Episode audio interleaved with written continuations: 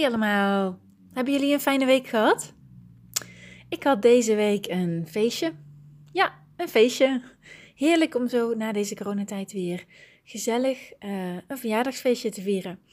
Een vriend van mij was jarig en um, hij vierde zijn verjaardag. En op die dag deelde hij dat hij vooral dankbaar was voor alle zegeningen die hij heeft ontvangen van God. En uh, dat hij er ook niet alleen bij stilstond op zijn verjaardag zelf, maar ook al verschillende dagen ervoor. En dat vond ik echt heel inspirerend, want ja, eerlijk is eerlijk, ik ben denk ik niet al mijn verjaardagen gestart met God danken voor alle zegeningen die ik heb mogen ontvangen. En al helemaal niet een aantal dagen voordat ik jarig was. En dat deed me denken aan de zegeningen die God gegeven heeft. En terwijl ik hierover nadacht en over aan het lezen was, kwam ik uit op drie zegeningen waar ik dankbaar voor ben. Waar we allemaal, denk ik, dankbaar voor moeten zijn. Dus als ik straks jarig ben, en nou ja, eigenlijk ook op alle andere dagen, wil ik dankbaar zijn voor deze drie dingen. Nou, welke dingen denk je dan natuurlijk? Als eerste is dat het feit dat ik geboren ben op deze aarde. Dat God deze aarde gemaakt heeft en deze prachtige natuur waar ik van mag genieten. Die prachtige zonsopgang en die zonsondergangen en ook natuurlijk het heerlijke eten dat God zo gegeven heeft. Ja, natuurlijk heeft God de aarde voor iedereen gemaakt, echt biljoenen mensen, maar ik probeer me dan te realiseren dat God de aarde ook specifiek voor mij gemaakt heeft. En daar wil ik dankbaar voor zijn. En ten tweede, dat ik God mag kennen en van God mag houden tijdens mijn leven en vooral ook in het leven hierna. Want dat is ook Gods doel, dat wij met Hem samenleven in liefde en ook in de hemel nadat wij komen te overlijden. En hier ben ik enorm dankbaar voor. Dat is iets dat we niet kunnen verkrijgen door rijk te zijn of door heel hard te werken. Het is een zegening van God. En de grootste zegen durf ik eigenlijk wel te zeggen. Ik ben blij en dankbaar dat ik Gods wil mag kennen en mag uitleven. En ten derde ben ik dankbaar voor mijn omgeving en alle ja, materiële dingen waarmee God mij gezegend heeft. En ja, zeker als je kijkt naar honderden jaren geleden, ben ik blij dat ik in deze tijd leef. En dat ik niet in een hutje uh, leef en uh, dat we nog moeten jagen voor ons eten. Maar dat God uh, mij een dak boven het hoofd heeft gegeten, voor eten op tafel zorgt, kleding geeft, al dat soort dingen. Maar ja, ook bijvoorbeeld de mogelijkheid geeft om leuke dingen te doen. En dat zijn toch dingen die niet iedereen op aarde heeft. Dus daar wil ik dankbaar voor zijn. Dus voor deze drie dingen wil ik dankbaar zijn op mijn verjaardag. En ik hoop dat jullie hier ook geïnspireerd door zijn. En ja, mocht je deze maand je verjaardag hebben, dat jullie hier ook dankbaar voor zijn. En ja, eigenlijk hoef je natuurlijk helemaal geen verjaardag te hebben om hier dankbaar voor te zijn. Maar het zijn mooie zegeningen om dankbaar voor te zijn, specifiek op je verjaardag.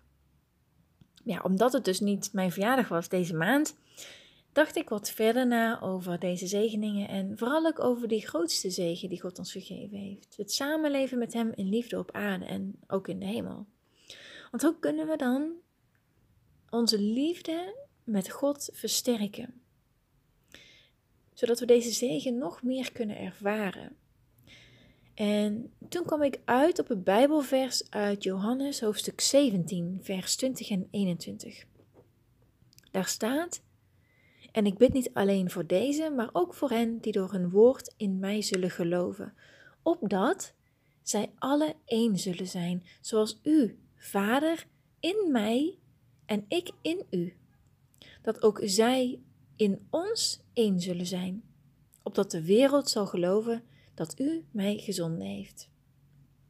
Dus Jezus spreekt hier zijn hoop uit dat wij één zullen zijn in God en Jezus Net als dat God in Jezus is en Jezus in God. Zodat de wereld zou geloven dat God Jezus gezonden heeft.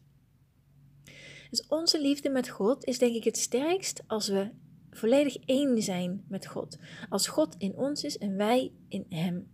En dat we volledig in harmonie met Hem zijn. Net als de gelijkenis die Jezus geeft in Johannes hoofdstuk 15 over de wijnstok en de ranken.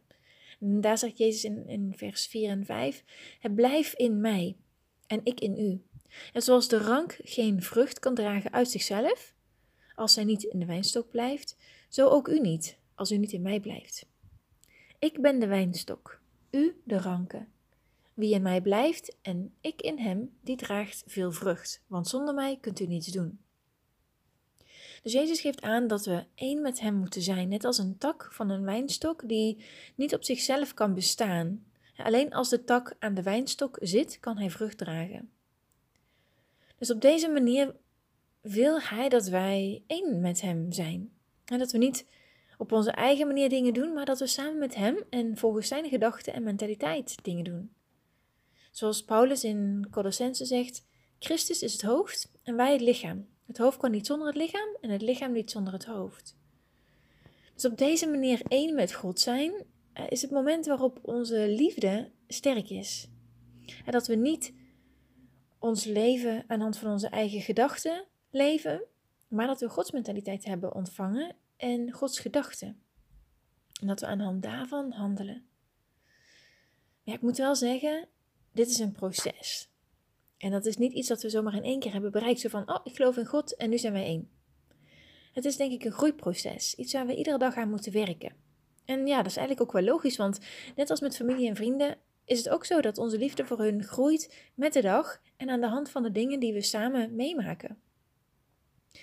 Dus ik denk ook dat op deze manier onze liefde met God iedere dag kan groeien en dat we zo meer en meer uh, één kunnen worden met God en dat, dan, dat we dan deze zegening van God uh, volledig uh, kunnen ervaren.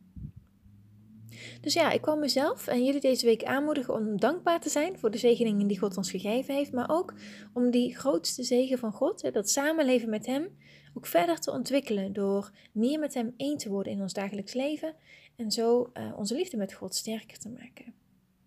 Nou, Bedankt voor het luisteren weer. Ik wens jullie een fijne week samen en samen met God ook. En natuurlijk tot volgende week.